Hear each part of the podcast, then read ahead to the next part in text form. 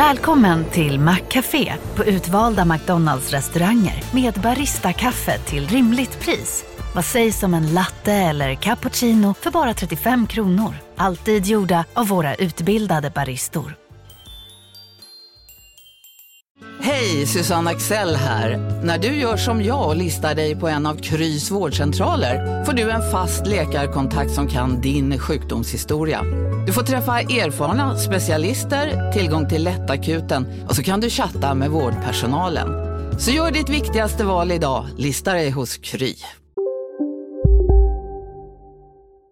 Innan vi börjar så har vi ett litet, inte så litet, tillkännagivande, eller vad man ska kalla det. Ja, eh, det har vi. Eh, det här avsnittet som ni ska få höra nu, jag har räknat ut att det blir mitt 58 så ordinarie avsnitt. Det kan inte stämma, du har varit med i jättemånga fler avsnitt.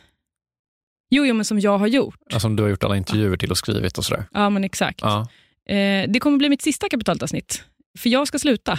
Det vet ju du redan, men lyssnarna vet inte det. Så nu vet Mm. lyssnarna också det. Jag ska sluta på Monopol Media. Ja. Eh, eller så här, helt ärligt, när ni hör det här avsnittet så har jag redan slutat. Förlåt. ja, jag fattar. Vi leker med tiden här. Vi leker med tiden. Så Ja. det här är ditt sista avsnitt? Ja. ja. Ehm, vi är uh, jätte, jätteledsna verkligen över det. Eh, jag vill dock säga till lyssnarna att eh, kapitalet kommer finnas kvar. Just det. Med mig och med Elinor och med Agnes och med andra röster som ni kommer få träffa snart. Ja. Jag tycker också att det känns som en ganska så värdig finale för dig. Ja. Att få avsluta med att berätta om typ hela finanshistorien på 27 minuter eller någonting. Du, idag ska band backas som de aldrig har backats förut. Jag ser fram emot det. Eh, nu måste du göra det, för jag kan inte prata så mycket mer om det här, för då kommer inte jag kunna läsa avsnittet. Kära publik, varmt välkomna till Kulturhuset, Stadsteatern och kvällens föreställning av Levan-trilogin här på Lilla scenen. Från Monopol Media. Det här är Kapitalet. För sista gången, kanske någonsin, med mig, Åsa Secker. Och för absolut inte sista gången med mig, Gunnar Harris. Eh, Jag och eh, vår kollega Agnes eh, har varit på teater eh, och sett en pjäs som börjar på en kaj i New York 1844. att jag är framme! Baruch Hashem! Tack gode Gud för att jag reste! Baruch Hashem! Tack Gud så att jag äntligen är här! I Amerika!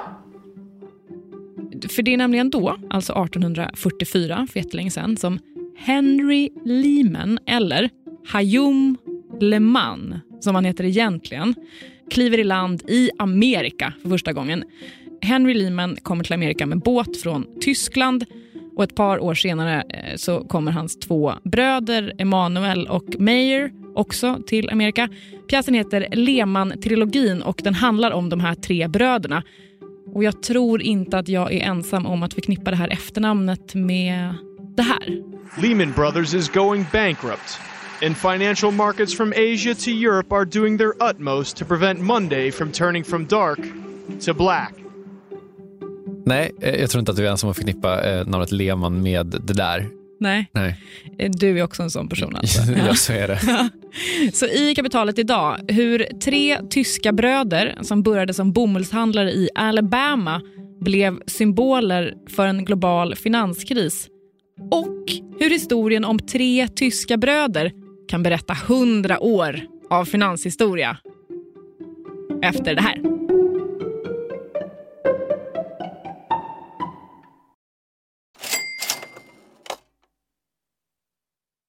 Kapitalet sponsras av SPP och Storebrand Asset Management.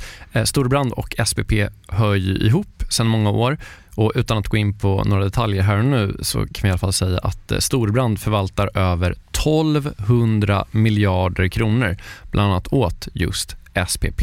Och du har ju träffat Storebrand, Jakob, och pratat om eh, Kina. Ja, eh, vi, vi pratar i alla fall om hur Kina blivit en sån otroligt viktig del i omställningen av energisystemet. Eh, över 70 procent av värdekedjorna inom vind och solkraft kontrolleras av Kina, vilket är s- otroligt när man tänker på det. Ja. Och Det handlar om att Kina väldigt tidigt insåg att energi är makt.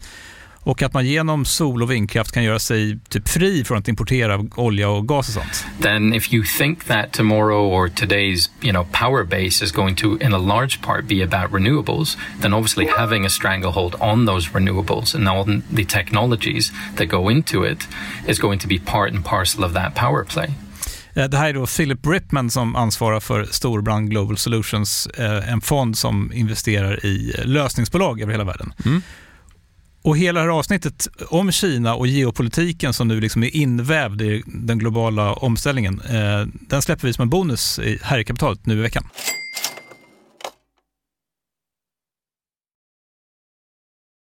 Jag och Agnes har varit på teater och vi har sett en pjäs som heter Lehmann-trilogin på Kulturhuset Stadsteatern här i Stockholm.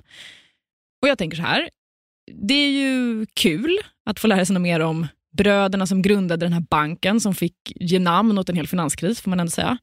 Men det är ju också faktiskt ett perfekt tillfälle att liksom genom den här historien om de här bröderna också berätta om finanshistorien under de här 150 åren som den här banken fanns. Yes, vi har att göra med ett, ett klassiskt Åsa-avsnitt här helt enkelt. Det känns väldigt passande. Ja, ja. hur mm. hamnade vi här? Und so weiter. Ja. Ja. ja hur hamnade vi här då? ja, men så här. Den här historien börjar alltså på en kaj i New York 1844. Henry Lehman kliver i land. Några år senare så kommer hans två bröder, då, Emanuel och Meyer. Och De här bröderna de tänker inte stanna i New York utan de bestämmer sig för att slå sig ner i Montgomery, Alabama där eh, öppnar i alla fall Henry, som ju kommer först, en butik där han bland annat då säljer eh, torrvaror. Jag tror att det är mycket så tyg och grejer. Ja. Eh, men ganska snart så fattar han att i Alabama på den här tiden då handlar ju allt om en enda sak. In most plantations near the Mississippi, the one crop was cotton. Bomull. Bomull. Eh, så det de gör det är att de eh, börjar ta betalt i sin butik i bomull. Vi kan betala med råbomull. En tredjedel av skörden, säger vi. Ni, ni ger den till oss och vi säljer den vidare. Så att liksom, folk som jobbar på de här plantagen som, som omger Montgomery, de kommer till butiken för att köpa saker eh, och istället för att betala med sedlar så betalar de i råbomull. Och den här bomullen kan ju då bröderna sen sälja vidare de blir någon slags liksom bomullsmäklare eller något. Ja men precis, det är precis det de blir. Äter för något och så testar vi ja, alltså jag äter en, en helt vanlig macka som jag köpt här i kantinen nu. Det här är Carolina Frände. Ja. Otroligt oplanerad men jag har haft en modellinlämning på Dramaten på förmiddagen. Det är hon som har regisserat Lehmann-trilogin. Jag är regissör till yrket och har utövat det yrket i ja, drygt 20 år. Sen är jag också sedan ett och ett halvt år tillbaka numera doktorand på Stockholm Business School på Stockholms universitet på organisation och managementsektionen. Där jag skriver en avhandling som handlar om konstnärligt chefskap. Regissör och ekonom, eh, doktorand, känns som den perfekta personen att liksom berätta det här för oss. Ja, det, jag tror faktiskt att hon är absolut perfekt. Ja. Eh, så att eh, Bröderna Lehmann blir alltså bomullsmäklare och man kan säga att det är liksom det som blir startskottet för alltihop. Och så småningom, det tar inte så himla lång tid, 20 år ungefär, så, eh, och då är en av bröderna redan död dessutom, så eh, skapar de en filial i New York. och börjar handla på liksom det som kallas för marknaderna där då. Bomullsmarknaden, järnmarknaden, kolmarknaden. Man hade olika marknader. Ja, och det är ju för att eh, New York växer ju snabbt fram, eller är ju redan liksom ett ekonomiskt och finansiellt centrum. Jag heter Mikael Wernerslag och jag är forskare på eh, institutionen för ekonomisk historia eh, på Uppsala universitet. Man märker ju att det är många som vill köpa bomull i New York eller affärsmän som i alla fall verkar i New York för att då eh, använda bomull och producera eh, bomullsvaror. Och när den här filialen så småningom då blir liksom viktigare än det lilla kontoret i Alabama eh, så flyttar de verksamheten till New York och det är i samband ungefär med att man startar det som man kallar för börsen på Wall Street. De tre ursprungliga bröderna, en av dem blir ju kvar ganska länge liksom. Och han är ju den som upplever att det är bara ord. Det är bara ord på Wall Street. Det finns ingenting. Ordet järn finns, men det finns inget järn. Ordet kol finns, men det finns inget kol.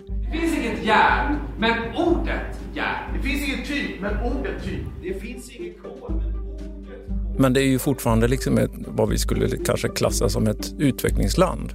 Alltså det är väldigt mycket som inte har hänt än. Och landet USA finns ju knappt för man fortsätter ju att expandera västerut. Eh, och så där, och då har ju fortfarande den här, som sen inbördeskriget visar, att man då är inte riktigt överens om vad som ska vara kontrollerat i den federala staten och på individuella staterna. det. Och det präglar ju även ekonomin och det finansiella systemet. Och det här är i slutet på 1800-talet, som de liksom, eller de sista årtiondena på 1800-talet, som de eh, helt och hållet vad ska man säga, etablerar sig i New York. Och någonstans där så byter de också namn då till Bank, som vi säger i föreställningen. Eh, de byter från eh, Lehman Brothers tyger och kläder, tror jag. Eller Lehman Brothers Cotton. Det är lite oklart för mig faktiskt vad den egentligen hette från början. Det tror jag inte någon som vet heller. Men sen byter de till bank. Det är en sån här free banking-period också kan man säga, då det, vilket egentligen innebär att, att hela banksystemet är ganska oreglerat. Det är egentligen ett, ett begrepp just att man ger väldigt fria tyglar till eh, bankerna. I forskningen så är det väl begrepp också att man har ganska du har lite skojar i branschen också. Du har som sagt li- lite stökigt med många olika banker som ger ut många olika valutor.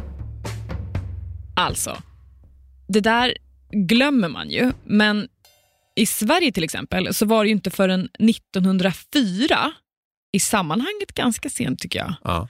eh, som Riksbanken fick ensamrätt på att ge ut sedlar.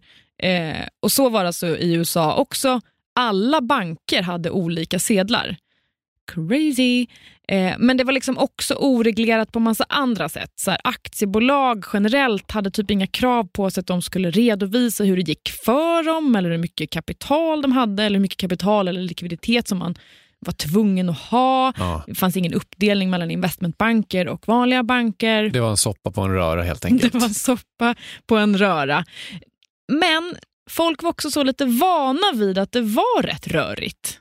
Många aktörer i ekonomin är beredda på att det går upp och ner. Så det är ganska turbulent också. Du har bankkrascher och du har ju eh, ja, men, eh, krascher i just spekulation i järnväg och, och liknande. Eh, men man eh, överlag så, så ser man ju mer åt liksom, plusåren än det som går dåligt. Eh, så den här avreglerade, eller ganska lågt reglerade ekonomin fortsätter ju ja, ganska länge egentligen, fram tills eh, stora depressionen. Okej, så att de här bröderna, de går alltså från att ha någon slags butik i Montgomery till att bli bomullsmäklare till att starta bank i eh, New York. Exakt. Och Man kan väl säga då att det liksom är bomullen som blir deras så ingång i finansvärlden. För att de går alltså från att handla med faktisk bomull till att handla med bomullsaktier på marknaden i New York. Och Sen rullar det liksom bara på. De börjar hålla på med eh, finansiering till exempel. Alltså hjälpa företag att hitta pengar. Exakt. Eh, 1899 så är första gången de hjälper ett bolag in på börsen. Eh, sån IPO, Ja. som det väl kallas. Eh, Gjorde det även då? eh, Kanske. Kanske, jag vet inte faktiskt. Ja. Eh, Så att de blir liksom mer och mer en renodlad investmentbank helt. Ska vi bara superbasic reda ut vad skillnaden på en vanlig bank och en investmentbank är? Ja, jag tycker att det här är lite svårt, men en vanlig bank dealar ju med privatkunder och deras pengar. En investmentbank dealar ju mer så med institutioner, man hjälper företag in på börsen. Du och jag går inte till en investmentbank och dealar med våra bolån helt enkelt. Nej. Nej. Och precis som Mikael Wernslag berättade så är eh, finansmarknaderna ganska oreglerade under den här eh, tiden. Det är lite vilda västern helt ärligt faktiskt. Eh, men 1929 så ställs ju allt det där på ända för då kommer kraschen. The tremendous crowds which you see gathered outside the stock exchange are due to the greatest crash in the history of the New York Stock Exchange in market pricing. Den här euforin som många hade då kring värdet på eh, bolag på börsen och sådär vänds väldigt snabbt. Men just den här eh, varför det då svänger och varför just 29 och varför just på hösten, det är väldigt klurigt att bestämma. Börskraschen 1929 är ju förödande på massa sätt. 25 miljarder dollar går upp i rök på ett par dagar. Det är ganska mycket pengar. Ja. Och efter kraschen så kastas ju USA in i en depression som vi känner till och Ja. andra delar av världen också ska sägas. Arbetslösheten skenar och så vidare. och så vidare. Det är totalt kaos. Det är totalt kaos. Och i ett kaos eh, så kan det ju så dyka upp en vilja att eh, styra upp lite grann. Man kan ju hoppas, i bästa fall. I bästa fall så vaknar den viljan till liv. Eh, kanske framför allt så brukar det ju finnas någon slags ambition att se till så att det här hemska som precis har hänt kanske inte händer igen. Så att efter börskraschen 1929 så kommer regleringarna. Nu är det liksom slut med vilda västern på Wall Street. Nu ska det bli ordning och reda. Det kommer ett helt batteri med, med lagstiftningar och det är egentligen första gången man verkligen reglerar upp Wall Street som man säger. Och det, det är framförallt trycket från allmänheten som blir väldigt upprörd på vad som har försiggått. Mycket av den här börshandeln har ju faktiskt också riggats lite fuskigt av insiders. Eh, så att man då ja, blåser upp ett, ett första värde och så, så säljer man eh, aktien på topp och sen så är det väldigt svårt att då, för någon annan att ja, tjäna pengar på det. Kom det fram efter kraschen att det var så Ja. det hade gått till? Ja, precis. Och att man har då insiders i det här Wall Street-klanen eh, hjälpte varandra att, att blåsa upp värdet på nya bolag till exempel och så säljer man med förtjänst. Eller man Fusk sprider- alltså? Lite fusk kan man säga. och det är lite det man då eh, reglerar mot. Den här Wall Street-klanen vill man gärna höra mer om känner jag. Ja, visst vill man. De som Mikael syftar på här, de kallades tydligen av, av kritiker då för robber barons. De har ju gått till historien som väldigt hänsynslösa affärsmän då, men väldigt framgångsrika och samlade otroliga förmögenheter. Och kanske för att då väga upp lite det där sitt eftermäle så väldigt många bildar ju någon filantropisk eh, verksamhet då med konst eller universitet eller någonting som man då donerade tillbaka, gav tillbaka till samhället. Rockefeller, Vanderbilt, Stanford, Mm. kanske namn som klingar bekant. Det är namn som har olika flyglar på museer i USA. Ja, alternativt olika universitet. Eller sjukhus. Ja, Mm. sånt. I alla fall, eh, kraschen kommer, korthuset rasar och man bestämmer sig för att liksom städa upp på Wall Street. Och Det betyder alltså att man inför en massa nya regleringar, för det har ju varit liksom väldigt oreglerat, man har fått göra lite vad man vill. Och nu, i början på 30-talet, det är då som man klubbar The Glass-Steagall Act. Hur bekanta är vi med den? Inte särskilt bekanta. Jag har tjatat om den i Ja, lång tid, ja. men vi har aldrig gjort något på den. Den är jättebekant för att du har pratat om den en gång i veckan i tre och ett halvt år eller någonting. Men nej, den är inte, vi, Nej. på riktigt vet jag inte vad den innehåller. Nej, nej. Eh, Så här, nu kommer vi göra en liten utvikning och liksom lämna bröderna Lehmann för en liten stund. Men jag tänker att det är viktigt att man liksom fattar vad det är som händer i finansbranschen så lite mer generellt under den här perioden. Så här. Glass-Steagall Act det är egentligen ett samlingsnamn för två stycken lagar eh, som i sin tur består av massa olika delar. Men den kanske viktigaste delen den handlar om att man separerar eh, kommersiella banker, alltså vanliga affärsbanker, från investmentbanker. En bank får alltså inte längre vara både och. Alltså de får antingen hålla på med investment banking, alltså hjälpa till med börsnoteringar, allt det där som vi pratade om. Eller så får de vara en vanlig bank för privatpersoner. Och varför är den här uppdelningen viktig? Ja, det är mycket det att man eh, den upprörda allmänheten är ju eh, framförallt insättare och sådana här små sparare som all, egentligen, det är ju deras banker kanske som har tagit risker och handlat med värdepapper som man inte kanske riktigt förstått. Eller, och det är ju inga beslut som eh, enskilda småsparare har tagit och det är det liksom man agerar lite på. Att då, de riskerna man har tagit, de får man ta. Men har man inte tagit dem så ska man liksom inte utsättas för det. Det är väl en liksom princip man, man går på. Eh, det som också händer är att man reglerar eh, de som har med småsparare att göra, alltså vanlig affärsbanksverksamhet. Det regleras väldigt mycket, men investmentbanking-sidan fortsätter att vara ganska oreglerad. Och det hänger just med ihop vilka man tänker sig är inblandad i den verksamheten. Att jobbar du med investmentbanking eller kan vara en kund till investmentbanking, då vet du vad du gör. Och då får du liksom ta de riskerna det innebär. Så du, lagstiftningen säger då att de som är inblandade i investment banking är professionals som har erfarenhet, eh, kompetens, kunskap och förstår riskerna. Alltså när Mikael sa det här så kände jag lite så att de här investment bankers-människorna kanske inte hade varit jätteduktiga på att visa att de var så himla smarta på att hantera risk. Boom, en ägning av liksom 100 år gamla investmentbanker. ja, eh, men eh, strunt samma. Man inför i alla fall den här regeln som eh, då separerar investmentbanker från kommersiella banker för att man vill skydda småspararna. Och I samma veva så bildas också en helt ny myndighet som heter The Securities and Exchange Commission, SEC, som då ska reglera börs och värdepappershandeln i USA.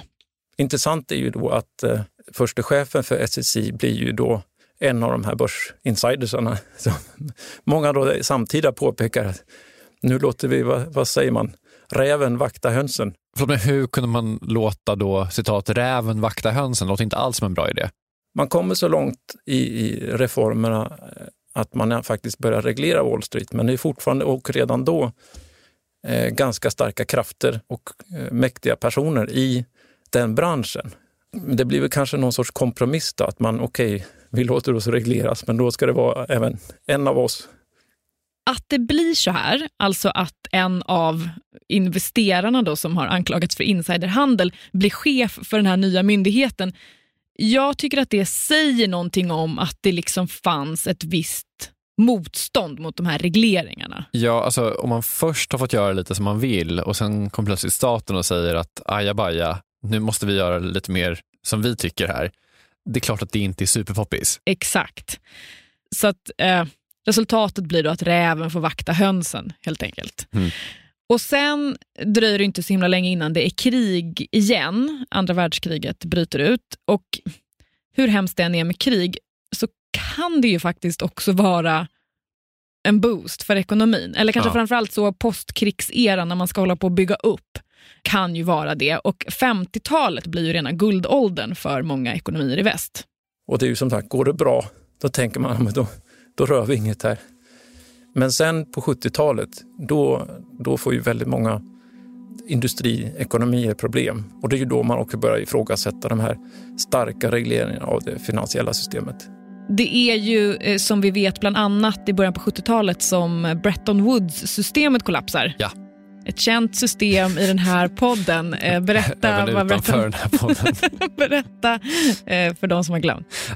Det var ett system som byggde på att alla valutor, eller i alla fall väldigt, väldigt många valutor, var knutna till dollarn som i sin tur var knuten till värdet på eh, guld. Jag tror man kallar det för ett så fast växelkurssystem. Ja, men precis. Att man kan väl säga att liksom indirekt så var eh, jättemånga av världens valutor typ kopplade till värdet på guld. Man hade liksom guld som någon slags, um, vad ska man säga, fot är det man brukar alltid använda. Ja, Men alltså, ja, säkerhet för att ja, pengar har ett värde. Ja, och det här slutade hon med 71. Exakt. Och sen är det ju USA och Storbritannien som går först egentligen att, att börja avreglera, liberalisera, bland annat finansiella systemet.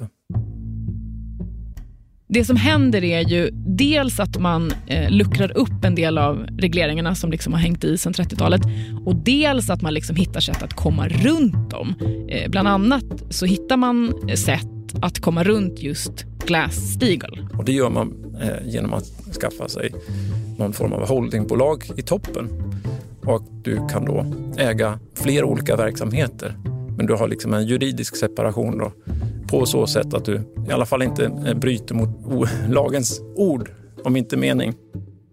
Glass-Steagall upphävs sen officiellt, jag tror att det är 99, så det är ganska sent. Men då har man liksom inte den har typ inte funkat på jättelänge för att man har liksom gått runt den. Mm. Och Det här har diskuterats ganska mycket. Alltså så här, om kraschen 2008 till exempel hade kunnat undvikas om Glass-Steagall i själva verket hade varit in play eller vad man säger. Ja. Alltså, ja. Mikael Wernslag är väl lite tveksam till det. Just den här exponeringen för alla oss hade kanske varit liksom begränsad om man hade haft den här separationen. Men eh, det är många, många andra länder som var involverade i den globala finanskrisen och där kan man ju inte peka på det, just det här eh, uppdelningen. Så därom tvistar de lärde kan man väl säga. Det har skrivits mycket om det här. Alltså åsikter finns kan man säga. Mm. Men alltså, okay, den här utvecklingen då, den känner vi igen lite grann. Vi har ju pratat om den i till exempel i avsnittet om Milton Friedman. Säkert andra avsnitt också ja, känns det som. Faktiskt. Ja. Man kan väl helt enkelt säga att det blåser andra vindar på 70 och 80-talen och det leder till massa avregleringar.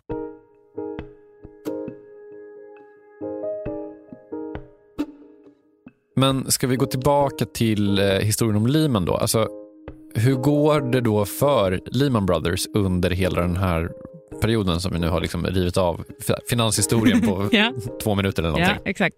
Bra fråga. Nej, men som alla förstår då så klarar ju Lehman Brothers 30-talskrisen liksom eftersom att de fanns kvar så sent som 2008. Det de gör för att överleva det där eh, ganska mycket är att här, styra om sin verksamhet. De har hållit på mycket liksom, mot aktiemarknaden. Eh, de styr om och riktar sig lite mer mot riskkapitalmarknaden eh, under en period men sen när börsen har återhämtat sig så är de liksom, eh, back on track. Och eh, Lehman Brothers de väljer ju tidigt att, att bli en investmentbank just. Att de påverkas inte jättemycket av det här separationstvånget som Glass-Steagall eh, innebär. Och generellt så kan man väl säga att de är ganska, det tycker jag man förstår när man liksom läser om deras historia, de är ganska duktiga på att följa med i tiden. Alltså så här, fatta lite vad som är nästa grej, de hakar på, liksom, håller sig flytande. Däremot så är de inte en del av den här liksom så innersta kretsen på Wall Street. De är ju till exempel inte en del av den här Wall Street-klanen som vi pratade om, trots att de har liksom funnits med sedan mitten på 1800-talet. De får liksom ett epitet lite senare då att de, är, de, de, de kan ge sig på lite vad som helst. Medan då vissa andra för, eh, etablerade investmentbanker då kan välja och vraka lite grann. Och så Lehman, de hör till liksom gänget som, som kan hjälpa till liksom i alla branscher. Ja, de säger inte nej. Nej. De har alltså funnits då sedan mitten på 1800-talet så det är liksom verkligen ett bolag med gamla anor och så vidare. Och det där kan man ju tänka sig att det skulle vara lite så lukrativt att kapitalisera på. Alltså så här, ju äldre desto finare, typ, särskilt i bankvärlden tänker jag. Men så jobbar inte Lehman Brothers. De är liksom lite kända på Wall Street som att vara den lite ruffigare, oborstade konkurrenten jämfört med de andra. Då. 1994 så händer det någonting på Lehman Brothers som kommer att få jättestor betydelse för allt det som ska hända sen.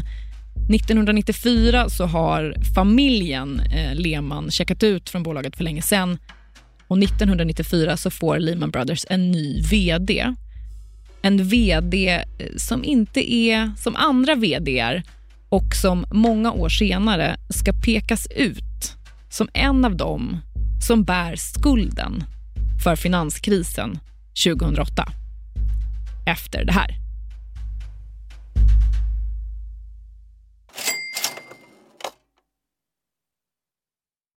Vi sponsras av SPP och vi var med dem eh, på Tech Arena förra veckan. Och jag tänkte berätta om en bolagspitch som jag såg. Ja. Det dyker upp en italiensk eh, tjej på scen som heter eh, Eleonora Cavani, en för detta bioingenjör och konsult som kommer på att bakteriekulturen i magen är en källa till en massa problem för folk eh, och att det liksom börjar tidigt i livet. I have a lot of allergies and I have eczema and I've been through a lot uh, trying to change my diet and my lifestyle to really reduce my symptoms which I managed to do and uh, once I learned more about the microbiome it, it really shocked me to find out that we know that some gut microbiome imbalances in early life are linked to chronic diseases for the rest of life so I thought wow how strange that we know so many things things and we're not really using them in real life. So I, I felt like I had to do something. Så hon startar något som heter Alba Health, eh, att förväxla med Alba Golf som vi gillar, eh, där småbarnsföräldrar kan skicka in prover från sina barn. We send you a kit. Um, it's a test that you can take at home. We need a poop sample. You can take it from the diaper. We receive it, we analyze it, we give you back results and recommendations on uh, lifestyle, food and uh, potentially probiotics. Och, och folk kommer liksom tycka att det är lite äckligt och sånt, men jag kände så här, det är så mycket negativitet i världen just nu. Eh, och du var inne på det tidigare, liksom att det här stället var ju fullt med folk som typ vill göra grejer. Mm. Och här springer omkring liksom sjukt duktiga människor och bara försöker förbättra för folk och göra världen till en bättre plats. Och Eleonora då och Alba Health är ju liksom ett sånt gäng som var där. Mm. Av liksom hundratals. Ja. Eh, och det gjorde mig glad faktiskt. Ja, nej, det, jag tycker det lät toppen. Och grejen är också att sådana här idéer och projekt som förbättrar samhället över tid, de tar tid. Eh, och behöver liksom långsiktigt kapital. Och då kan ju vi genom pensionerna göra stor skillnad. Jag ska säga att SPP har ingenting med Alba Health att göra. Jag, hittade henne bara, jag tyckte hon var duktig. Caset finns ju och det är väl den här typen av saker som kan ta väldigt lång tid, där pensioner verkligen kan göra skillnad och där liksom pensionernas roll i ekonomin kan bli extra tydlig. Och den kopplingen tänker man inte på så, så ofta. Nej, men eh, med den kopplingen in mind så säger vi tack till SPP som gör oss medvetna om pensionernas roll i ekonomin och herregud i vår privatekonomi också. Precis, tack. Tack.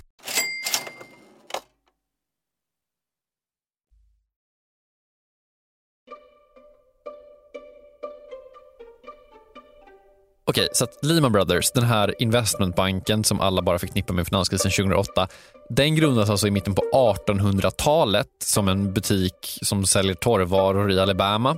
Något ska man ju hålla på med. På 1980-talet så har Lehman Brothers förvandlats till en investmentbank som har rykte om sig att vara lite ruff. Sådär. Eh, de försöker absolut inte slå mynt av sin långa, långa historia utan ångar på som någon slags tävlingslysten underdog istället. Och 1994, där vi nu är framme, så får de en ny VD. Vem är det? Den nya vdn heter Richard Fuld. Han, han kallas ju Gorillan. Han är otroligt eh, fokuserad på handeln, att tjäna sina pengar och att klå konkurrenterna. Så han, eh, och han gör det ju väldigt bra. Han eh, är ju också en viktig faktor till att man blir så, Lehman blir så eh, specialiserad på just subprime-produkter. Jag tänker att man kan eh, välja två vägar om man får ett sånt här smeknamn. Alltså, antingen kan man ju så benhårt slå ifrån sig. Jag är ingen gorilla, typ var lite kränkt så. Eller så kan man omfamna. Eh, Richard Fuld eh, han väljer det senare och eh, ställer in en leksaksgorilla i naturlig storlek på sitt kontor. If we get this right today, Hoppa will squeeze some of those shorts. Det här klippet är från eh, 2007 och Richard Fuld pratar alltså här om de som blankar eh, Lehman-aktien just då. Han älskar inte blankarna. Han älskar inte blankarna. Squeeze them hard. Not that I want to hurt them. Don't get that, please, because that's just not who I am. I am soft, I'm lovable. But what I really want to do is I want to reach in, rip out their heart, and eat it before they die. Men han är ju också bevisligen grym på det han gör. Eh, han är vd för det här bolaget i 14 år och under den här tiden så går det bra för Lehman. Alltså om det inte vore för kraschen 2008 så hade vi liksom, ja, uppenbarligen pratat om Lehman på ett helt annat sätt. På 00-talet så är eh, Lehman Brothers USAs fjärde största investmentbank och de har 25 000 anställda. Inte alls småpotatis. Och så sent som i mars eh, 2008 eh, så finns Richard Fuld med på listan över Wall Streets bästa vd och utnämns till Mr Wall Street. Men bara ett år senare eh, så finns han med på en helt annan lista, nämligen Time Magazines lista på 25 personer som bär skulden för kraschen 2008. Beskedet om att en av USAs största banker, investmentbanken Lehman Brothers, är nära konkurs har lett till kraftiga reaktioner på finansmarknaden över hela världen. Lehman Brothers is going bankrupt. Like many other financial institutions, Lehman Brothers got caught in this financial tsunami. USAs fjärde största investmentbank går i konkurs. Nyheterna fylls med bilder på anställda som lämnar huvudkontoret på Sjunde Avenyn med kartonger i famnen och Lehman Brothers VD Richard Fuld frågas ut i den amerikanska kongressen. But I want to be very clear. I take full responsibility for the decisions that I made and for the actions that I took. Based on the information that we had at the time, I believe that these decisions and actions were both prudent and appropriate. Det är ju så att Lehman Brothers har ju fått bli symbolen för den här kraschen 2008. Men det var ju inte de som orsakade kraschen. Men många tror ju det, liksom, att det var så för att man kallar det för Lehman-kraschen 2008 och så vidare. Utan det var ju ett system som kraschade. Sen att Lehman liksom blev, fick statuera exempel för att den amerikanska staten valde att inte gå in och rädda just den banken. De valde ju sen att gå in och rädda andra banker men de var tvungna att låta några, som de sa då, falla till att börja med. För att visa att vi har inte ansvar för det här. Det är systemet som har ansvar för det här. Den 15 september 2008 så faller Lehman Brothers. De konkar helt enkelt. Och ganska exakt fem år senare så sätts pjäsen Lehman-trilogin upp för första gången. Och Carolina Frände, som har regisserat den svenska uppsättningen, hon menar att eh, visst, pjäsen har liksom lånat formen av ett slags släktkrönika över de här bröderna, men det är liksom inte kärnan i den här berättelsen. Massinis, det vill säga Stefano Massini, dramatikerns intresse ligger ju inte i att skildra kraschen, det vill säga den som förknippas med Lehmans 2008. Utan hans intresse ligger ju i, som jag har läst det helt enkelt, att försöka nyckla upp och förstå liksom, hur det här systemet har byggts upp. Och systemet som Carolina Frände pratar om här, det är helt enkelt det kapitalistiska systemet. Jag tänker att vi förhåller oss ganska mycket till det som om det vore en oifrågasättbar berättelse, som det vore en naturlag. Att så här fungerar det. Det måste finnas marknaden. Och marknaden måste eh, få eh, åka upp och ner och den måste få fluktuera och den måste få liksom leva sitt liv och sådär. Men det här systemet, då, kapitalismen, det är ju ingen naturlag. Liksom. Det är inte gravitationen eller någonting liknande. Utan det är ju en berättelse. Människan är ju väldigt kreativ, en väldigt kreativ varelse. Och det ser man ju väldigt tydligt i den här pjäsen. Hur det här systemet liksom springer ur, vänta här nu, nu fick jag en idé. Man kanske skulle kunna göra så här. Om man säljer det här för så här mycket pengar så kan man tjäna det här och då kanske vi skulle kunna göra så här. Det finns liksom inte någon generell ondska eller någon generell kraft eller någon generell liksom ens målsättning bakom det här systemet och de här idéerna. Utan det är någonting som händer därför att människan är skapande, nyfiken, intresserad, framåtlutad, vi testar nya saker. Och det har vuxit i det här systemet över lång tid och fått en enorm betydelse för och inflytande över våra liv. Nu minns inte jag när den skrevs, men den har väl en tio år på nacken i alla fall. Eh, men liksom, finns det någon anledning till varför det är intressant att sätta upp den just nu? Den här pjäsen har som du säger så här, tio år på nacken ungefär, 2011 tror jag han skrev den. Men någonstans är det ju så att 2008 års finanskrasch var ju på något sätt det, 20, det 1929 års finanskrasch också var. Det vill säga ett, på ett sätt ett uppvaknande, liksom, lite grann så att fler förstår plötsligt att det här är någonting som inte funkar. Det här går inte att lita på. Och det blir ju en vändpunkt i ett samhälle. Och det är ju inte som att den vändpunkten är liksom förbi eller över eller ointressant nu. Utan tvärtom, den kanske blir ännu tydligare. Det kanske är så att vi har kunnat ta några steg tillbaka från den och se, men vad märkligt, ja vi klarade oss igenom det där. Och sen plötsligt började vi tjäna pengar på att det var pandemi, vad märkligt liksom. Alltså det är ju massor med mekanismer som liksom går att lägga ihop. Det blir ju ett pussel på ett sätt liksom, för en publik. Eh, det kan ju inte du veta såklart, men jag ställer frågan ändå.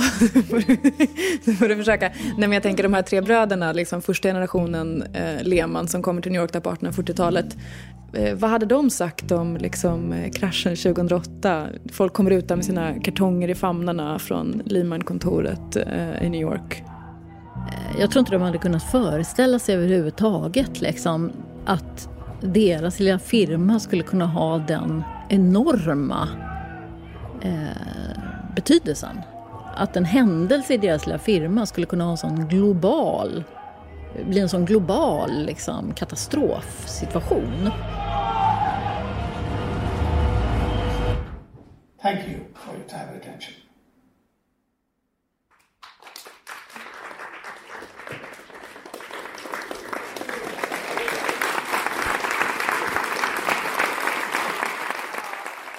Åsa, med det är det här avsntttet slut. Ja. Ditt sista avsnitt. Ja.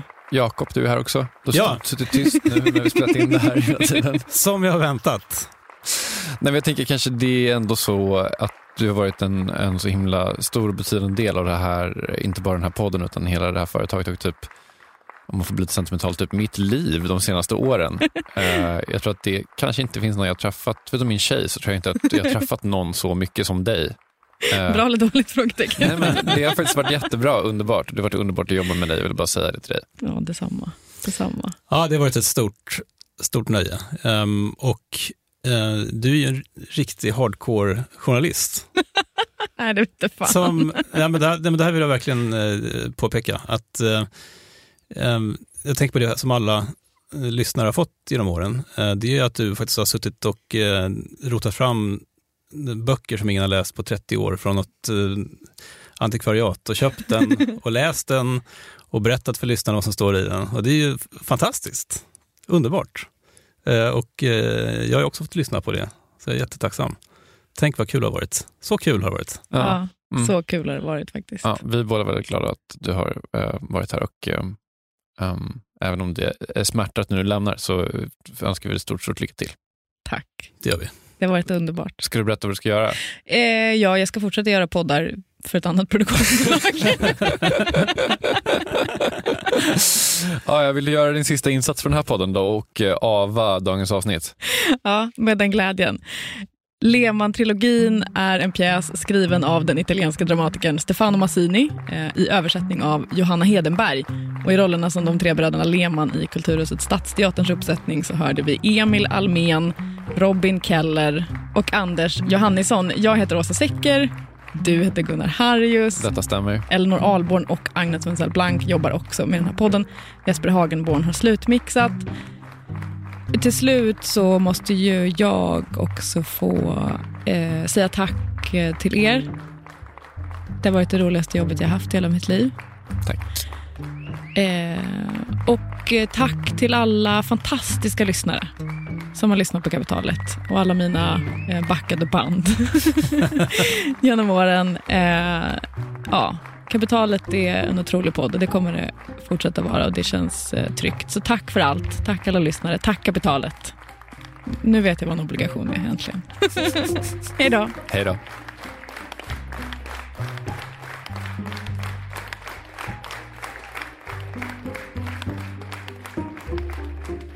We'll meet again. Don't know where. Jag tänker inte stimma det där, Jakob.